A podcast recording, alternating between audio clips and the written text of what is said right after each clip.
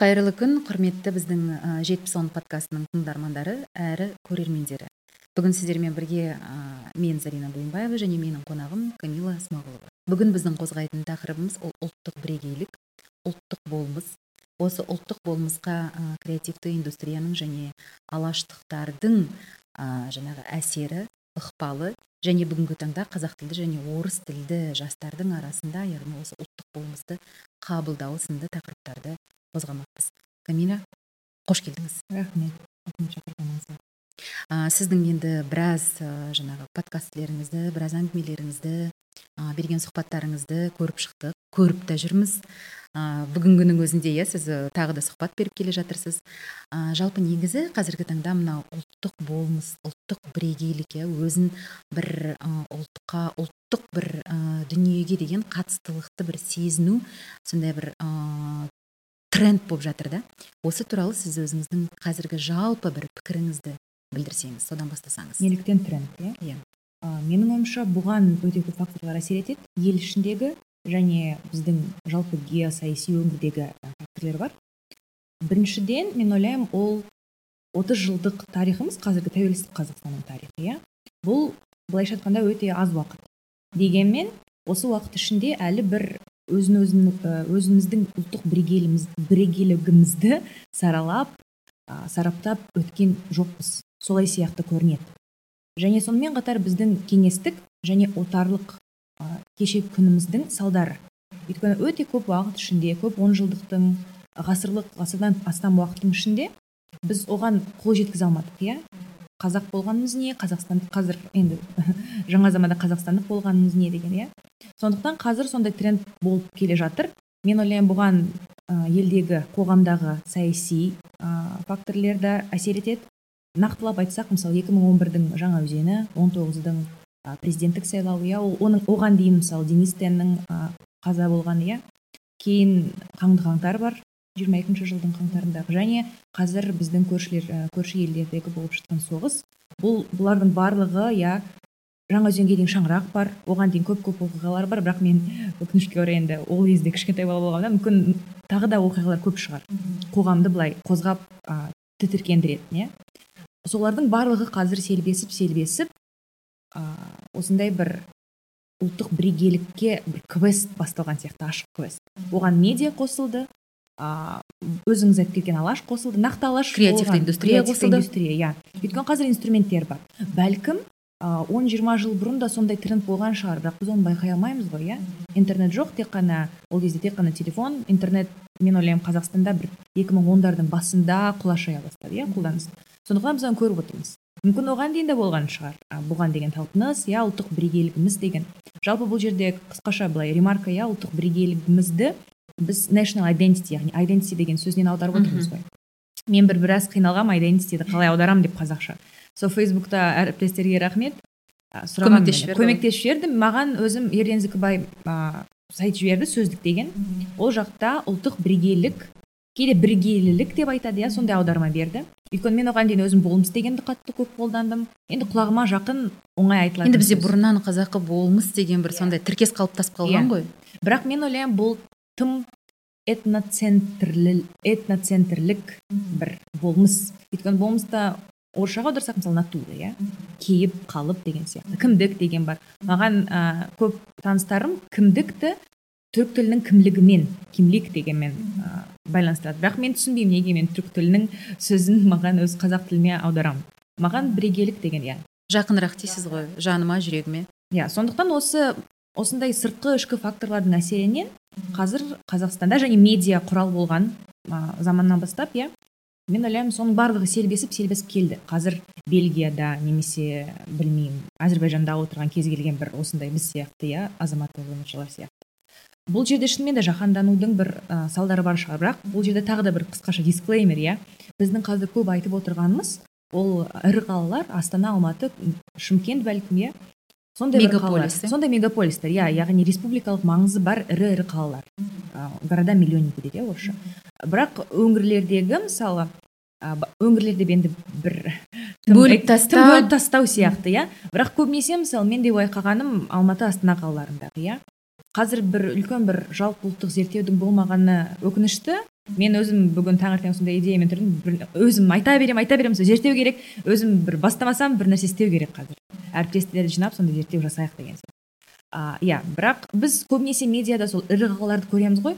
Сондықтан біз барлық ә, қалай айтсам байқағандарымыз сол ірі қалаларға қатысты бір ірі қалалардың вакуумында қалып қалған сияқтымыз ба ойларының иә мысалы ізденістерінің құлшыныстарының бір вакуумы. Өйткені сол баяғы алашта мысалы біз білмейміз. Ол батыста қалай атырауда қалай мысалы иә қызылордада қалай а өскеменде қалай деген сияқты біз білмейміз ондайларды сондықтан мен бір осы отырып бастау керек деген бүгін идея келді.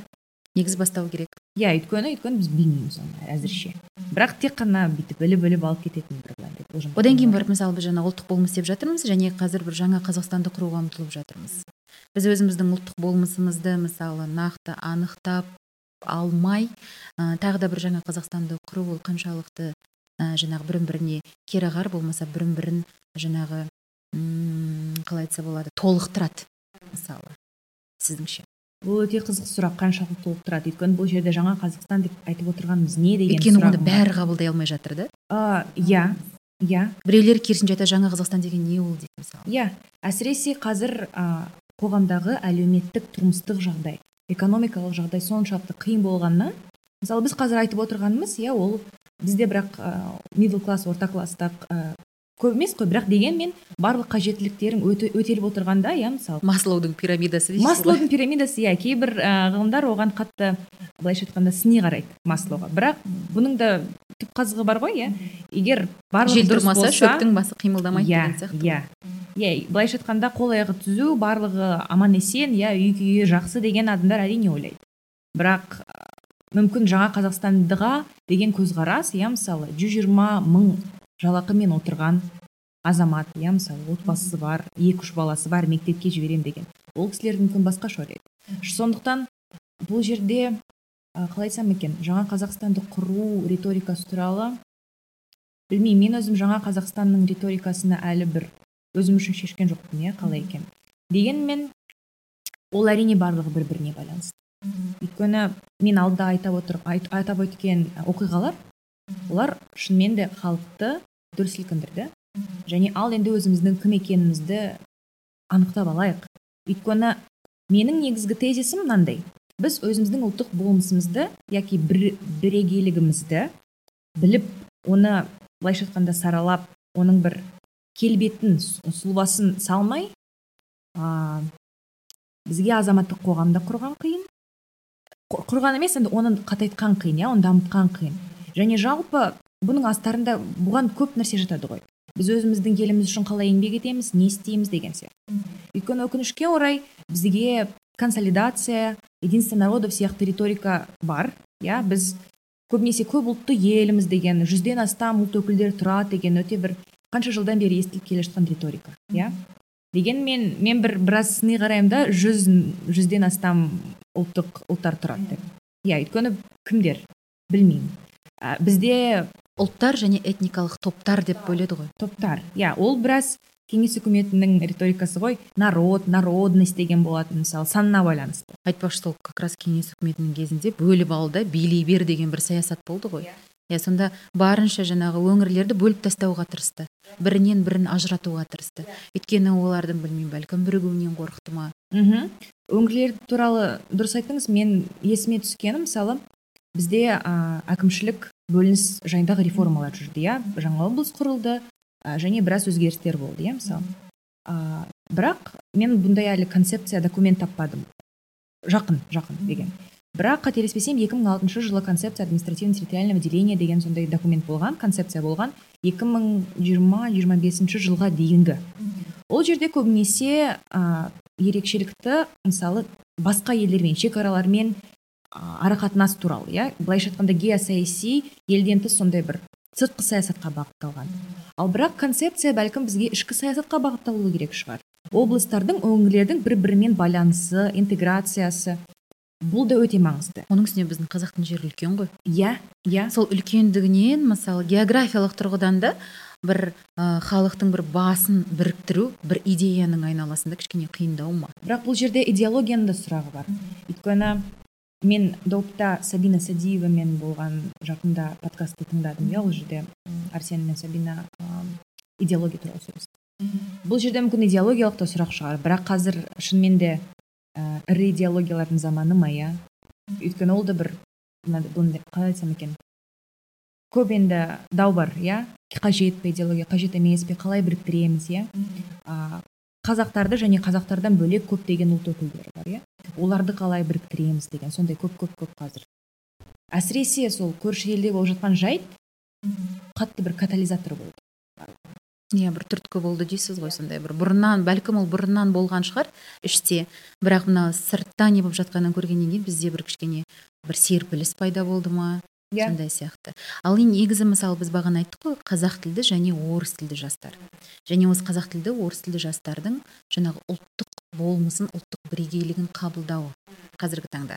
Негізі жастардың тарапынан біздің аға буынға қарағанда бір сондай бір қатты қажеттілік бар сияқты да бір сондай бір ыыы қалай айтсам болады бір аш сияқты болып жүр да шынымен. Иә иә.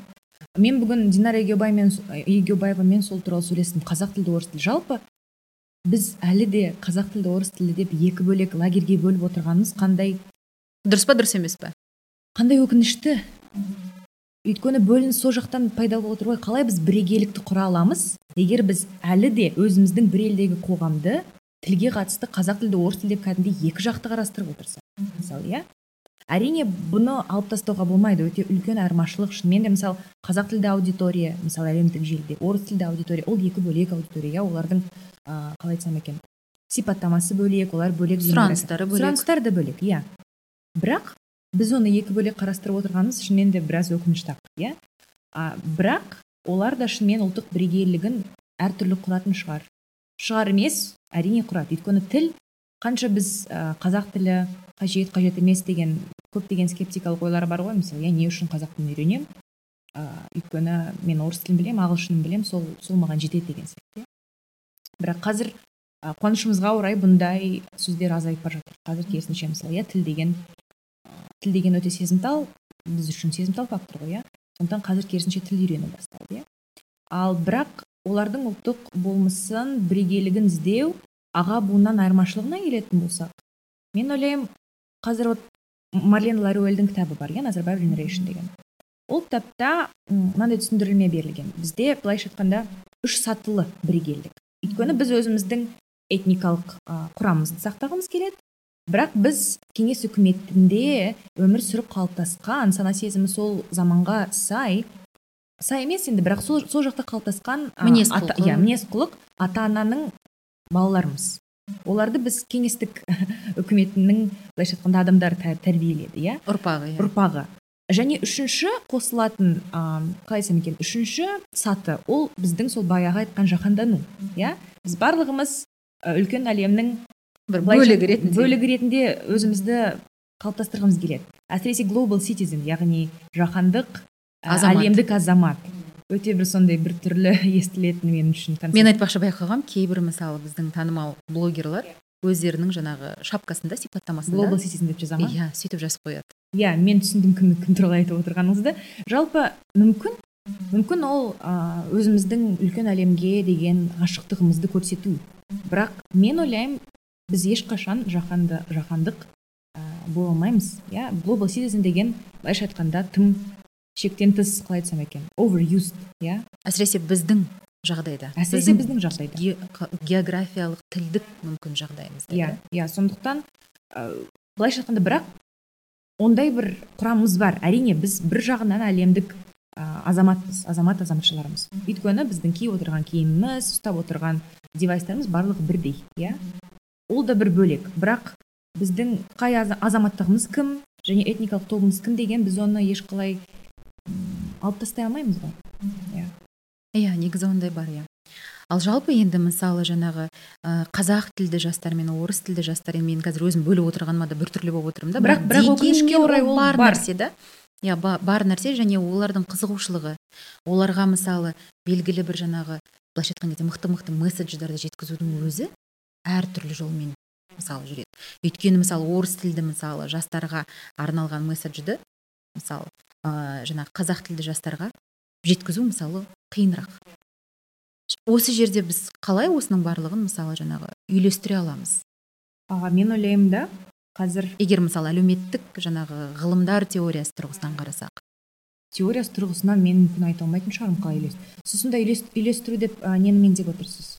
Үйлестіру деген кезде енді ә, мысалы оларды қалай біріктіре аламыз иә қалай біріктіре аламыз мысалы. А сол барлығы үшін үлкен ол кейде бір риторикалық сұрақ па сонда бірақ үлкен сұрақ. Мен бүгін де соны айтқам а, тікелей эфирде а, ағартушылық арқылы сол баяғы. Ақпарат арқылы өзіміздің өзіміздің бір қалай айтсам екен? Ақпараттық Ақпарат- кеңістік арқылы ақпараттық кеңістік арқылы біз оны біріктіру керекпіз. Қазір ә, қуанышымызға орай сапалы контент көп. Ә, қазақша сапалы контент көбейіп жатыр. Мысалы сіздің подкастыңыз ол үлкен үле- үлес. Сізге керемет қонақтар келеді иә? Мысалы кейбіреулер қазақ тілінде кейбіреулер орыс тілінде. Бірақ ә, қалай айтсам екен? Бірақ ақпарат арқылы адамдар қызығады көреді. Біріншіден тілдің өте қиын сұрақ шынымен де. Өйткені аудитория бәрібір екіге бөлінеді иә? Мысалы әлеуметтік желіде қазақ тілді блогерлер мысалы олар бір бөлек орыс тілді блогерлер бір бөлек. Олардың мысалы былайша айтқан кезде қазіргі қазіргі тілмен тусалары. Әртүрлі да иә. мысалы. Екі бөлек екі бөлек комьюнити ғой. Олар екі олар екі бөлек ә, қалай айтсам екен әртүрлі ақпарат ә, олардың құндылықтары да мүмкін әртүрлі шығар иә. А бірақ мен ойлаймын қазір әсіресе мәдениет арқылы бұл көп таралып отыр ғой. Қазір мысалы масс медиа деп айттық қой мысалы. А, алаштану иә қалай айтсам екен? Креативті культураның ал- алаштануы деген сияқты. Бұның барлығы көбінесе екен иә? Креативті мәдениеттің алаштануы. алаштануы. Иә. Иә. алаштану деп ә, былайша айтқанда ғылымның тармағын айтады ғой. Алаштанушы ғалымдар деген сияқты. Бірақ ә, алаштану деген кәдімгі үрдіс. Мен оны алима бейсенованың көп айтып келем ә, алима бейсенова екінші авторын ұмытып отырмын өкін- өкінішіме орай. Айтпақшы тұрсын жұртбай өте көп осы алаштануға қатысты мақалалар ол жариялаған кісілер көп екен. Ол кісілер өте көп. Мен ә, маған Қазақ ұят айтқан. Бірақ мен олардың көбін білмеймін. Кейбір ат кейбір кісілердің аттарын енді біліп жатырмын. Өйткені мен өзім эхо алашорды и влияние на современность деген мақала жазғанмын хабар азия деген платформаға арнап. Ол мақалаңызды мен оқыдым қазір ол туралы да сөйлесу керек. Иә иә. Сол кезде мен мен оны өзім жазғанда мысалы сұлтанхан аққұл деген кісіден басқа ә, көп кісілерді білмейді екен. Сол, соны мойын- мойындаймын ол оған ұяламын бірақ мойындаймын иә. Ә, бірақ олар өте қажет қазір. Мысалы біз айтып отырған ағартушылыққа да өте қажет. Неге? Өйткені қазір барлығы сол бөкейхановты аватаркаға қоятын мода байқадым мен инстаграмда. Қателеспесем актерлардың ішінен кімді көргенмін жақында? Жандос айбасов. Ол кісіден басқа көп қазір инфлюенсер болсын немесе жалпы орта біз сияқты кәдімгі қолда- қолданыста қолданатын иә әлеуметтік желілер. Өте көп. Мысалы бөкейхановтың суреті иә. Қазір кәдімгідей культ дейді ғой. Бөкейхановтың мен оны тұлғасына. Тұлғасына деген кәдімгі табыну деген жаман сөз. Бірақ енді. бірақ оны өте бір идеализациялау деген иә сондай енді өйткені біз ізден- ізденіс жолындамыз ғой иә. Иә иә ол да ол да бір басылады. Ол қазір енді енді басталды. Өте қазір кең құлаш жая бастады деген сияқты. Иә одан кейін мына қазір альфа ұрпақтар өсіп келе жатыр. Біз олардың талғамы ертең қандай болатынын білмейміз. Альфа деген олар қай жыл альфа мына екі мың бес екі мың оныншы жылдары мектеп оқушылары иә? Мектеп оқушылары қазіргі иә. Иә біз оларды да білмейміз қателеспесем. Бірақ олар осындай инфлюенсерге қарап бой түзейді ғой. Олар да байқайды. Олар әрине. олар осы ортада бәлкім олардың ата аналары ағалары апайлары иә олар да қазір сол бір алаштанудың қалай айтсам екен трендіне тренд іліп отыр ғой. Иә бірақ көбі ы, олардың кімнің жазушы кімнің саясаттанушы екенін кісілер қайдан алады ақпаратты иә?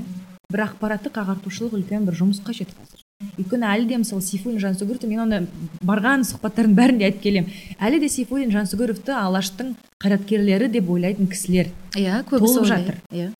Кәдімгі мен- олардың бәрі замандас болғаннан кейін бәлкім солай ойлайды? Әрине әрине зам, олар замандас олар сол кездегі зиялы қауымға мүше болған олар қазақ олардың бірақ олардың көзқарасы сәл басқаша болды. Олардың көзқарасы басқаша. Ол мысалы кімдер қызылдармен жақын болған рақпен жақын болған деген сондай бір ақпараттық жұмыс қажет ағартушылық жұмыс қажет.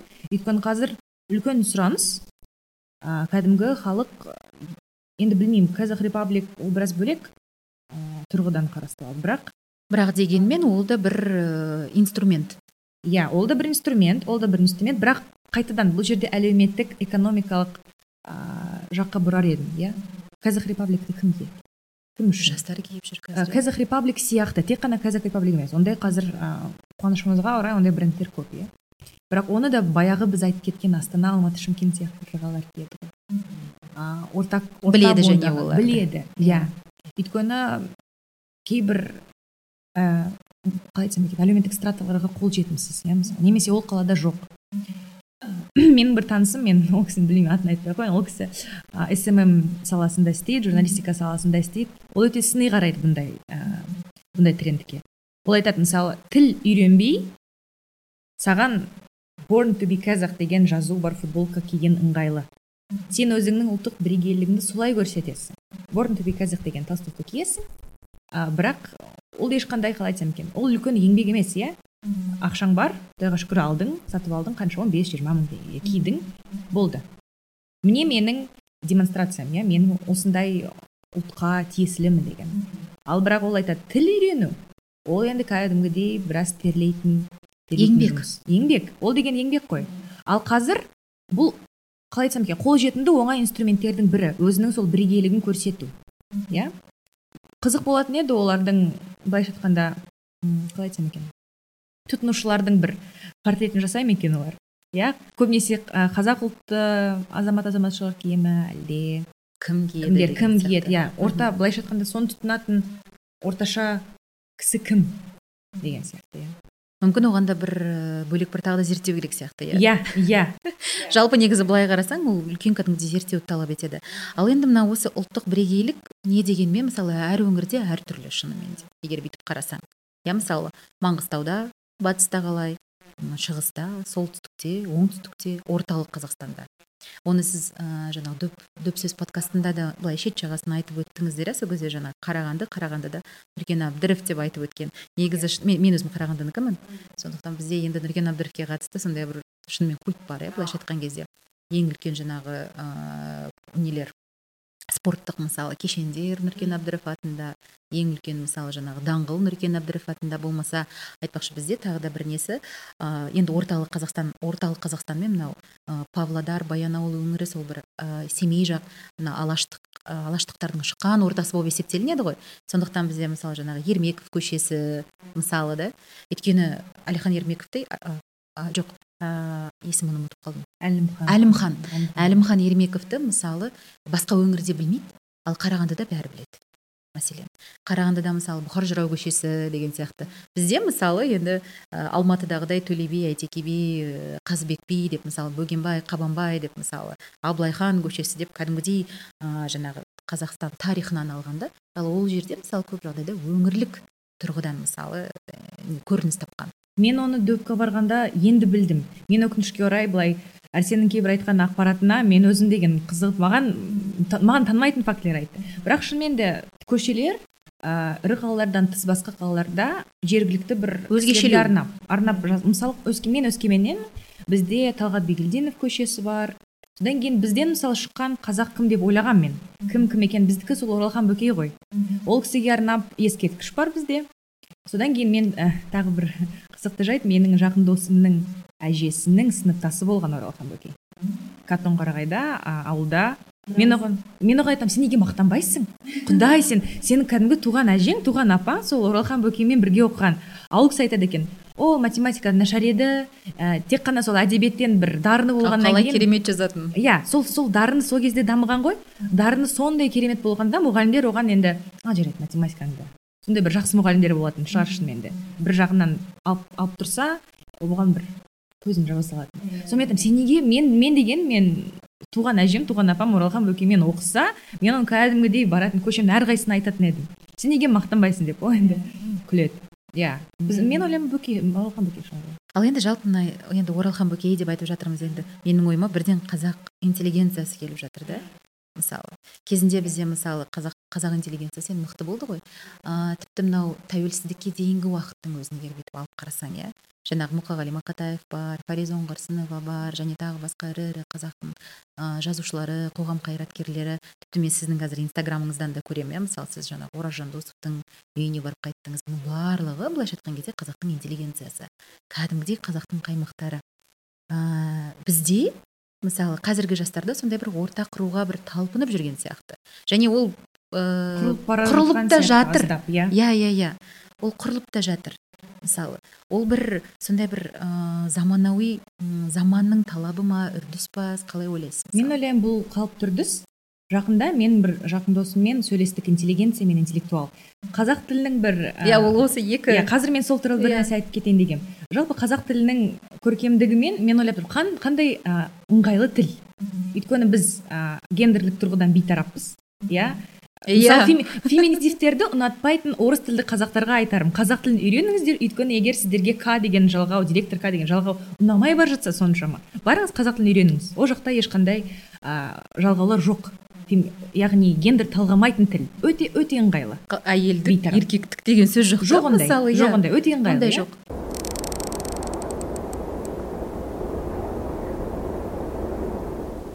Ә, және бұл интеллектуал интеллигенция деген сөзге де қатысты. Өйткені біз зиялы дейміз. Иә иә зиялы. қазақтың зиялылары. А, біз сөйлескен досыммен әңгімеде интеллигенция мен интеллектуал деген екі бөлек сөз. Мен де бір допқа да барғанда оған дейін де интеллигенция деп айтып келе жаттым. Қазіргі заманға сай қолдансын. Бірақ ә, мен досым мені бүйтіп ә, қалай айтсам екен түзетті. Ол айтады интеллигенция бұл кеңес тіпті империялық одақтағы сөз Қалыптасқан. ол қалыптасқан сөз. Яғни ә, сол жиырмасыншы ғасырдың мысалы оған дейінгі иә интеллигенция қазақтарда болсын басқа ұлттарда болсын иә сол жақта өңірде өмір сүрген. Олар бірінші ол қалай айтсам екен колониалды термин дейді өйткені ол ол кезде өйткені өйткені деп қатты айта береді екен. Ол кезде сен интеллигенция шеңберіне ену үшін бір беделді ауқатты отбасыдан шығу керек едің. Негізі мысалы иә ә, жаңағы ә, қалай айтсақ болады ресей империясының кезі жоқ даже ресей қалай айтушы еді? құдайым ау мен негізі енді ресейдің сұмдық енді тарихын білемін деп айта алмаймын.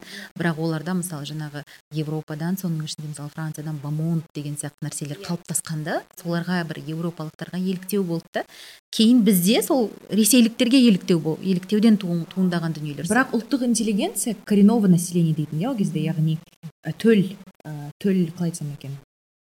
Төл халықтың ба қалай айтсам қалай айтсам болады? Жергілікті өздерінше, жергілікті емес. право нации на самоопределение деген тұрғыда шыққан ғой. Яғни әрбір өңірде өзіндік яғни ұлт құраушы этностан мысалы қазақтарда қазақияда қазақтардан иә қырғыздарда қырғыздардан өздерінің бір төл сондай топ болу керек та.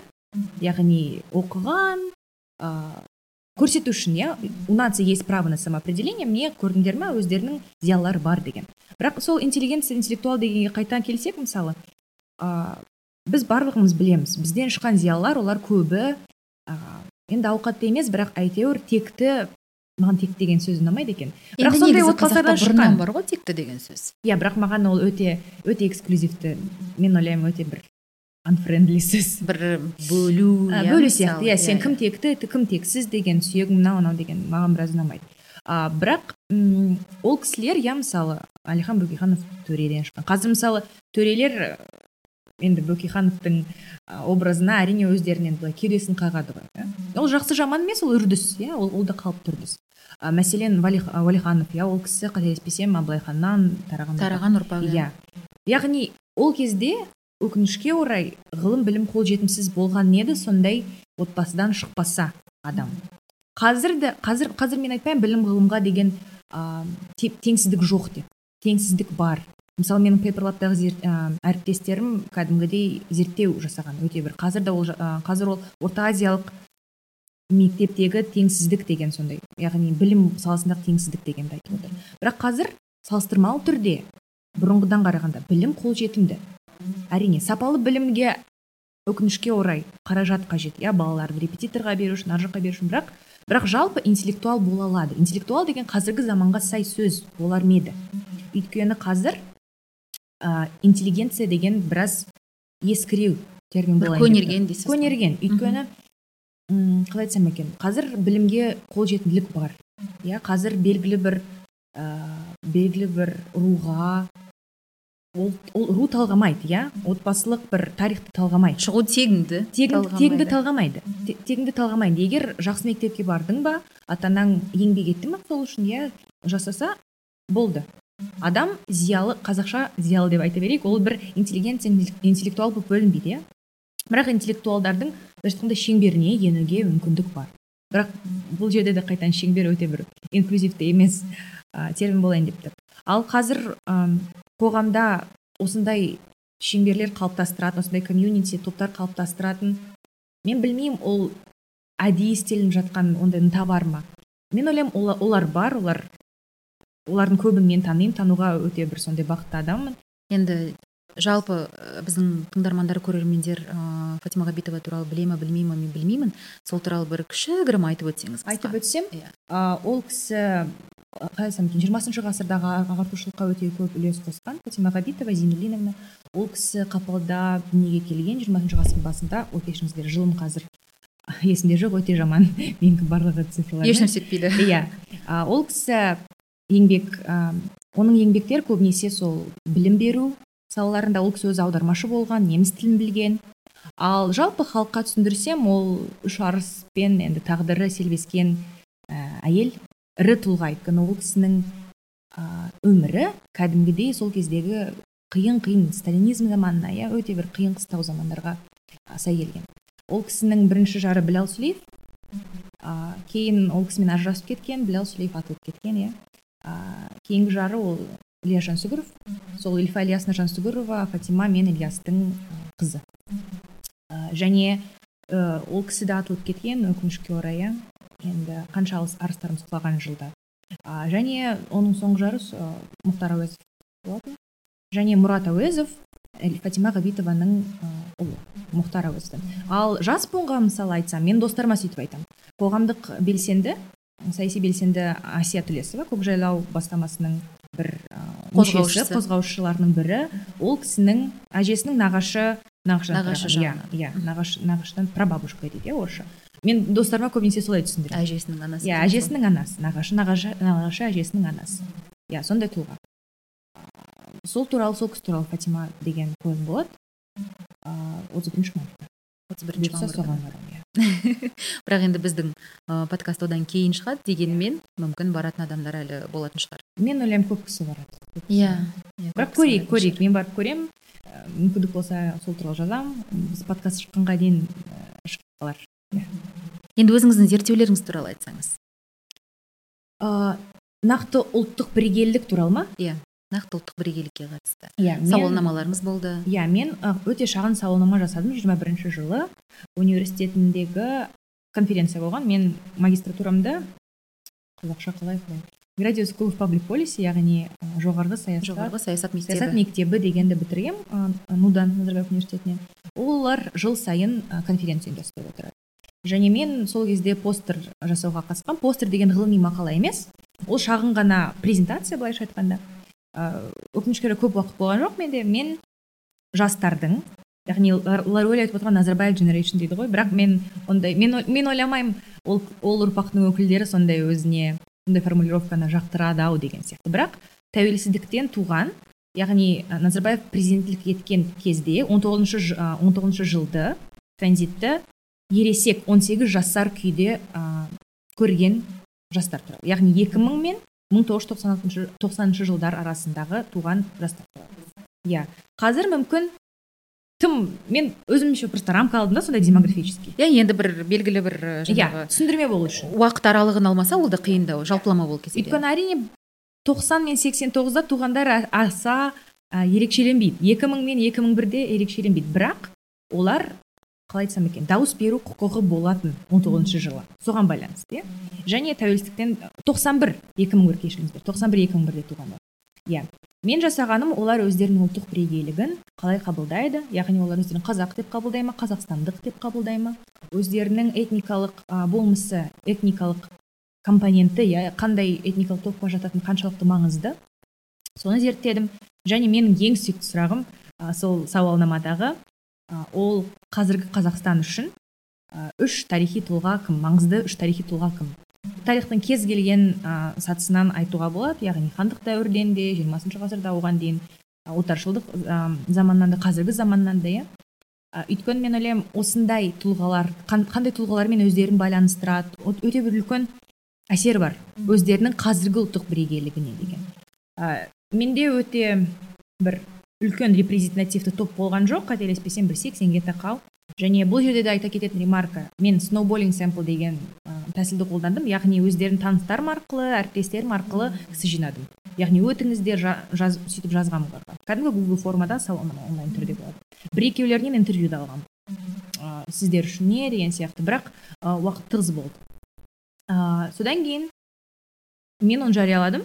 Постер түрінде. Қазір мен ойлаймын барлығы аздап өзгереді. Өйткені қазіргі қаңды қаңтардың және украинаның оған деген әсерін біз кері қоя алмаймыз иә? Ол ол кәдімгідей әсер етті ғой ол иә. қатты әсер етті. Әсіресе қаңтар. Қаңтардан кейін бірден қаңтардан енді қаңтардан кейін бірден украина болды. Иә қаңтардан кейін негізі бір сұмдық бір серпіліс болған сияқты. Әрине әрине. Сондықтан сол сол екі оқиғаға сай тағы да бір рет зерттеп шығу мен инстаграмда жиі сұраймын. Сондықтан менің оқырмандарға айтарым не игнорируйте мои опросы пожалуйста отвечайте мне это надо деп сөйтіп айтамын олар өте маңызды дейсіз өте маңызды өте маңызды. Мен айтамын мысалы кім кім қазіргі ең бір маңызды тұлға? Сол кезде үш маңызды тұлға болғандар кім болған? Әлихан бөкейхан нұрсұлтан назарбаев және қасым жомарт тоқаев. Иә? Барлығы түсінікті неге үш, үш, үш тұлға аталған? Бірақ алаштікілер көп айтылды кейбіреулер мұқтаж әкішевті айтты спортшыларды айтты. Көбінесе бізде қазір пейперлаппен подкаст шыққанға дейін ол шығып қояды. Ә, бақытымызға орай орыс қазақ тілдерінде сондықтан сілтеме жасауға болады. Ә, қазақстандықтар өздерінің 30 жылдық тарихын қалай қабылдайды ә, тәуелсіздік тарихын қалай қабылдайды деген тәуелсіздікті оған деген көзқарас. Ә, сол жерде байқаған зерттеудің презентациясы өтті сондықтан мен қысқаша айта аламын. Құдай не айтайын дегенмін жаңағы ыыы пейперлаптың зерттеуі иә зерттеу иә. Сол зерттеуінде ыыы қалай айтсам екен қандай тұлғалар ол жерде де тұлғалар бар. Мысалы қандай тәуелсіздіктің тұлғалары кім деген. Сондықтан мен оқуға өте қатты кеңес беремін әсіресе сол қандай тұлғаларды көретіндер иә. Сол үшеуі әлихан ә, назарбаев және тоқаев үш кісілерді айтты. Иә. Ә, бірақ а жас аралығы қанша болды ол айтқан адамдардың? Ә, пейперлаптың зерттеуінде? Иә жоқ назарбаев тоқаев және бөкейхан ол сіздің зерттеуіңізде иә. а ол қандай болды? Ол жерде барлық жастарды қамтыды. Ол жерде демографиялық топтарға бөлді. Миллениалдар центениалдар тоқыра ұрпағы деп істедік және қазақшасы қалай? Тоқыра ұрпағы және реформалық реформалық ұрпақтар иә. Кәдімгі демографиялық топтарға сай. Сондықтан ә, ол зерттеу шығады көріп спойлер жасамай ақ қояйын әзірше иә. Ә, ол жақта да тұлғалар бар. Ал мен жасаған шағын зерттеуде ол ә, назарбаев тоқаев және бөкейханов болды. Қазір бәлкім өзгереді мысалы. Қаңтардан кейін мүмкін басқа тұлғалар шығуы мүмкін иә? Украинадан кейін мүмкін басқа тұлғалар сіз жалпы негізі осы қаңтарға қатысты сіздің өзіңіздің жеке пікіріңіз қандай? Өте қиын қазір. Түсінесіз бе өзімді саясаттанушымен кәдімгі пенде рет бөлген қиын. Ал егер саясаттанушы ретінде қарасаңыз? Мен ойлаймын бұл ә, азаматтық қоғамға деген үлкен бір серпіліс үлкен драйвер болды. Және бәлкім халық азаматтық қоғамды қайта қарастырды. Яғни бізде белсенділік көп халық өзінің дауысын бірақ ол белсенділік те мегаполистарда ғана байқалатын сияқты. Енді батыста бұрыннан бар батыс қазақстанда? Мен де бұрын солай ойлайтынмын. Аха. Өзімнің туған өскеменімде мысалы мен ойлайтынмын қайда белсенділік толып жатыр. Толып жатыр. Қазір мысалы ә, барлық сол реформалар аясында ә, ол жақтағы блогерлер мен білмеймін оны кім істегендер өйткені ол жақта өскеменде жақсылық омар деген әкімді енді алып тастау деген өте бір үлкен қозғалыс бар. Кәдімгі халық иә оны медиада да медиада да көп. қазір мүмкін өзіңіз көрген шығарсыздар. Қателеспесем насима қорғанбекованың телеграм каналында бар. Насима. Насима иә. Что то лучшая поправка омар отставка деген сондай бір стикер. Ә, мысалы жаман жол ма? Жаман жолға кәдімгідей тіркеп тіркеп қойған тіркеп қойған иә ә, қаншалықты бұл қаңтардан кейін одан әрі белсенді болып жатқанын мен білмеймін. Бірақ бар ондай белсенділер ә, және олар көп. Олар көбінесе сол әлеуметтік жағдай қаланың жағдайын деген сияқты иә. Және қаңтарда тек қана астана алматыда ғана шықпады ғой. Өскеменде де шықты семейде де шықты. Иә кейін ол бір бір қаладан бір өңірден екінші өңірге yeah, таралды ғой. Кәдімгідей толқын болып таралды. yeah, толқын болып кәдімгі толқын болып таралды.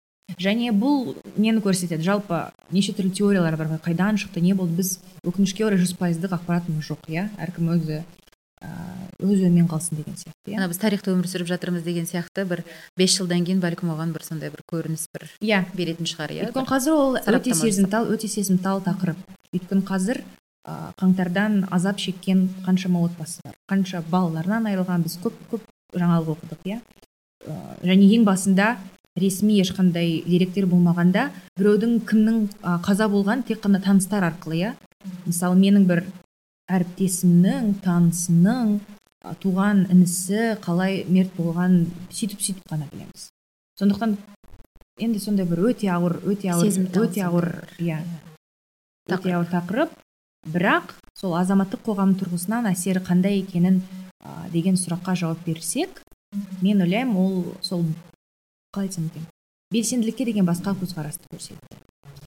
Яғни ә, білмеймін қаншалықты дұрыс риторика ол бірақ оя- ояну деген білмеймін. Бірақ жалпы оянған халық па соған мүмкін байланысты иә яғни халық өзінің дауысын айтқысы келеді халық үндемей отырғысы келмейді деген сияқты. Енді меніңше бұл да бір ә, жаңағы болу керек процестердің бірі да үрдістердің ол бір күні болу керек болатын. Иә ерте ме кеш пе біз мысалы отыз жыл былайша айтқан кезде ә, жаңағы бір қалыпты өмір сүрдік. Ал енді бізге бір өзгерістер керек шын мәнінде. Одан кейін барып со- содан туындап жатқан дүние ғой яғни ортада сондай бір сұраныс болып жатыр. Содан мен тағы айтарым қаңтардан кейін ә, мен ойлаймын халықтың қоғамның үкіметке деген талабы артты. Яғни мысалы қазір әкімдерді сайлау деген тезис өте қатты айтылып жатыр. Өйткені халық өздерінің дауыстарын өздерінің қалай айтсам екен өздерінің таңдауларын жасағысы келеді иә? Бағанағы мысалы жақсылық омар туралы айтылған кейс.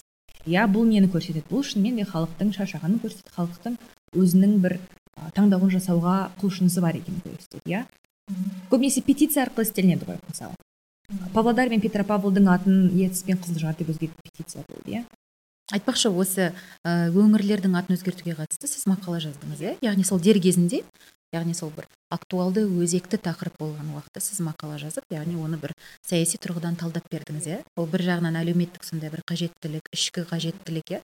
Сол туралы да айтып өтсеңіз. Иә мен оны ұлттық бірегейлік ә, теориямен сол менің зерттеу қызығушылығыммен байланыстырдым. Бұл жалпы өзімнің уақытылы болған емес бұл жерде менің пейперлабтағы әріптестеріме рахмет. Және кабар азиямен біз өте бір жақсы жұмыс істейміз. Ол кісілер ол кісінің мен керемет редактор наргиза мұраталиева өте бір сондай қалай айтсам екен? Фрутфул дейді ғой. Плодотворная жемісті. иә жемісті сондай бір жұмыс жасаймыз ол кісімен. Мен жазғаным облыстардың құрылуы және олардың аттарының өзгеруі және мысалы қапшағай қаласының қонаев қаласына ауысуы. Соның барлығын мен сол ұлттық көбінесе символизм арқылы қарастырдым. Ә, бұл жерде мәселен абай облысы иә ұлытау жетісу облысы. Ол барлығы ұлттық сол бірегейлігіне әлі бір сараптама бермеген халық үшін сондай бір сезімтал өте бір қуандыратын мысалдар иә өйткені семейліктер абай облысы деп өздері бөлініп иә шығыс қазақстаннан бөлінгені ол мүлдем басқа нақышта береді. Олар өздерінің енді ұлттық бірегейлігін басқаша сезінеді иә. Ұлытау облысы иә жезқазған қаласы мысалы облыс орталығын болған. Мен қателеспесем жезқазған қаласында әлі де кинотеатр жоқ. Әлде бар болған жоқпын мен болмаған менің университеттегі бір жақын досым ол айтатын қазір мен білмеймін қазір мүмкін мен қателесіп қаламын бірақ 2015-16ларда ол айтатын бізде кинотеатр жоқ мен білмеймін жезқазғанның азаматты азаматшалары мүмкін көмек беретін шығар. Негізі мысалы мен негізі мысалы қарағанды облысын екіге бөлгенге қуанамын. Енді екіге бөлді деп айтпай ақ қояйын иә. Өйткені мынау жезқазған ыыы қаласы қарағандыдан өте алыс. Және осы тұрғыдан мысалы қаланың өсуіне өркендеуіне жағдай жоқ. Өйткені оның үстіне облыс өте үлкен да мысалы. Ал біз енді оның инфраструктурасын инфрақұрылымын құрылысын мысалы барлығын реттеу керек. Ал жезқазған бір анау айдалада қалып қалды. Ұлытауға жете алмайсың. Ұлытауға жету қиын. Мысалы мен өзім ұлытауда болған жоқпын. Бірақ мысалы егер бөлек мысалы жаңағы өңір болып ол жерде бір басқаратын бір мықты бір әкім болса ана өңірді керемет бір туристік орталыққа айналдыруға болады. Өте үлкен потенциал бар. Бұл жерде түсінесіз бе екі қиындық қой иә? Бюджет қайдан келеді ақша қайдан келеді? Өйткені бізде реципиент донор деген облыстар бар иә? Яғни қаржы бөлетін және қаржы талап ететін облыстар бар. Бұл жерде сондай ә, қиындық содан кейін әкімдер иә? Қазір ә, бүкіл ел болып сол неше түрлі әкімдермен қиындықтар бар иә? Сон- сонымен әлек, әлек болып жүр. Және жаңа облыстарда кім әкім болады қалай таңдалады бұл да үлкен үлкен сондай сұрақтар бар. Ал қуану қуанбау енді мен өзім бұл жерде қайтадан саясаттанушымен пенде ретінде адам ретінде айтып отырғаным мысалы өзім өскемен шығыс қазақстан болғандықтан семейдің иә мен былтыр семейге барып көрдім семейде не екен. Мен өте қатты жүрегім ауырды өйткені мұражай ашуға болады театр ашуға болады қала өте көркем өте бір енді климат әрине біздің климат деген сұмдық. Шығыс қазақстанның өте өте бір резко континентальный дейді ғой орысша. Бірақ ол қаланың үлкен потенциалы бар иә? Негізі қателеспесем ол онсыз да тарихи орталық ресми түрде. Бірақ ресми түрде болғанмен іс жүзінде тарихи орталықтың көрінісін таба алмайсыз ол жақта ә, және мен байқағаным мен білмеймін бұл қаншалықты қаншалықты дәлелдеуге болады бірақ ертістің күйі семейдегі. Масқара кәдімгідей өскемендегі? өскемендегі ертіс құдайға шүкір әлі аман сау. Өйткені үлбі деген үлбінің енді құдай кешірсін быт шығып жатыр. Ал ертіс әлі де әлі де тірі дейсіз әлі, әлі тірі әлі тірі иә. Бірақ семейдің ертісінің күйі өте кәдімгідей мені өте бір былайша айтқанда көңіл иә көңілім түсіп қалды содан. Қазір білмейміз енді. Көрейік күтейік күтейік. Бірақ мен осындай ойыма осындай метафора келген. Мен оны сізге де айтқанмын иә. Жалпы қазір өзімнің ұлттық бірегейлігімізді түсіне алмай сараптамай оған бір кейіп пішін бермей ыыы глин деген қалай қазақша. Қыш иә? Қыш. Сол кәдімгідей әлі бір майысқақ қыш қой. Біз аны бір ыдысқа бір саралап әлі салып күйдіріп? Әлі күйдірмедік. Енді енді. Облыстардың да күйі сол ғой.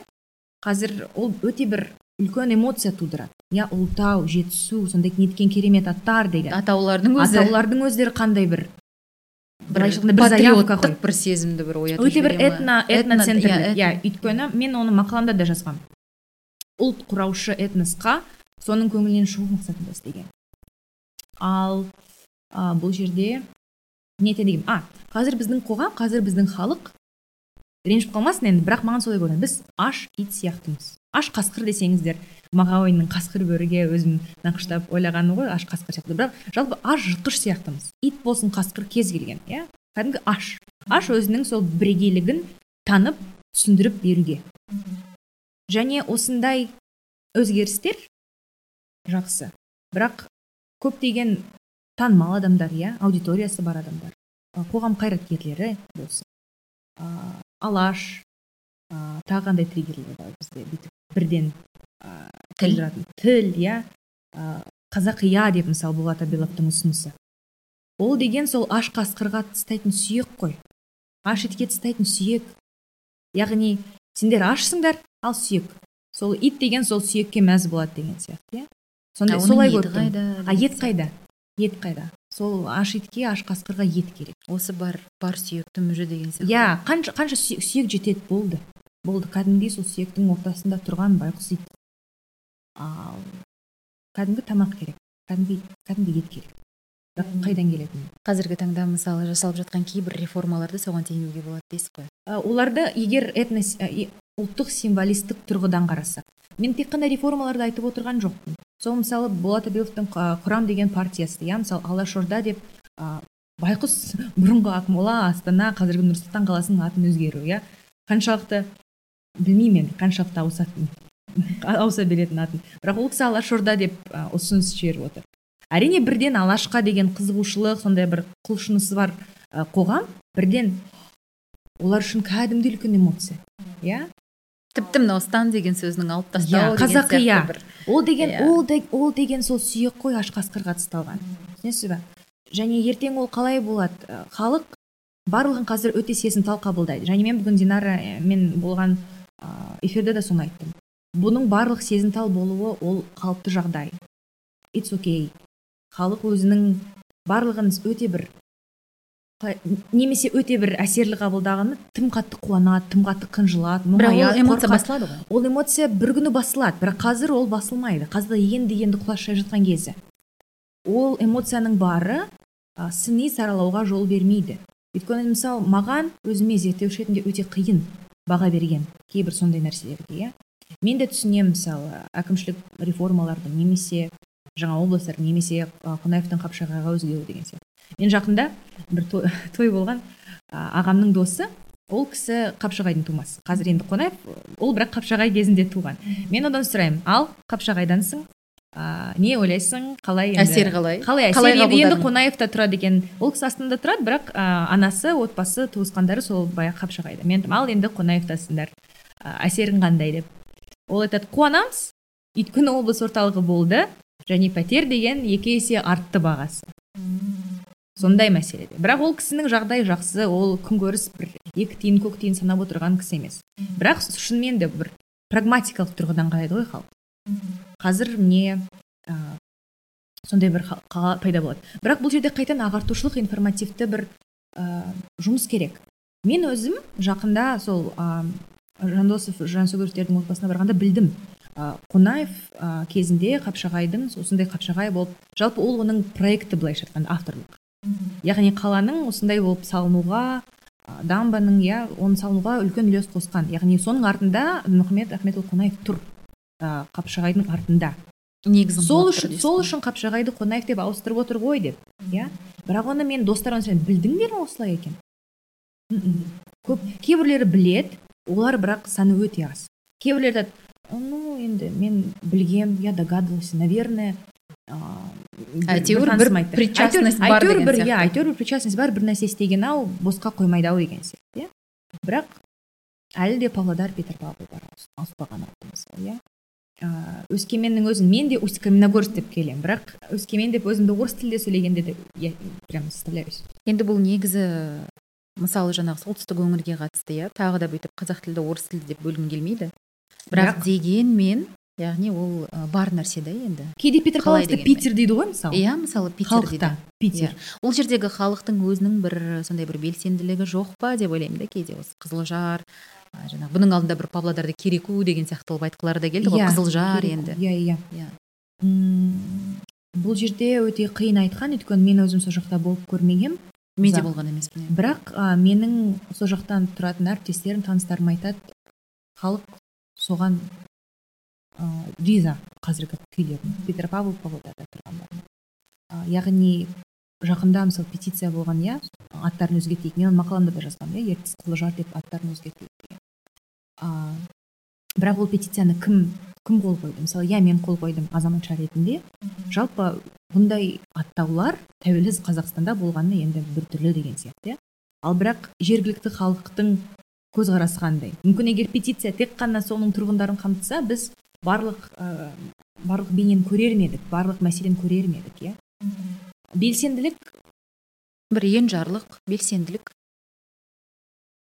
Бұл қызық болар еді. Қайтадан сол зерттеу керек деген менің бір бір әлеуметтік тұрғыдан зерттеу керек иә иә барып сұрау керек. Сіздер қалай сіздерге қалай ұнай ма? Қазір әсіресе өте сезімтал әсіресе ә, көрші елден келген миграцияның аясында иә? Қаншалықты бұл ертең болашағы не болмақ өте бір сондай сезімтал әрі қиын күрделі тақырыптар. Иә.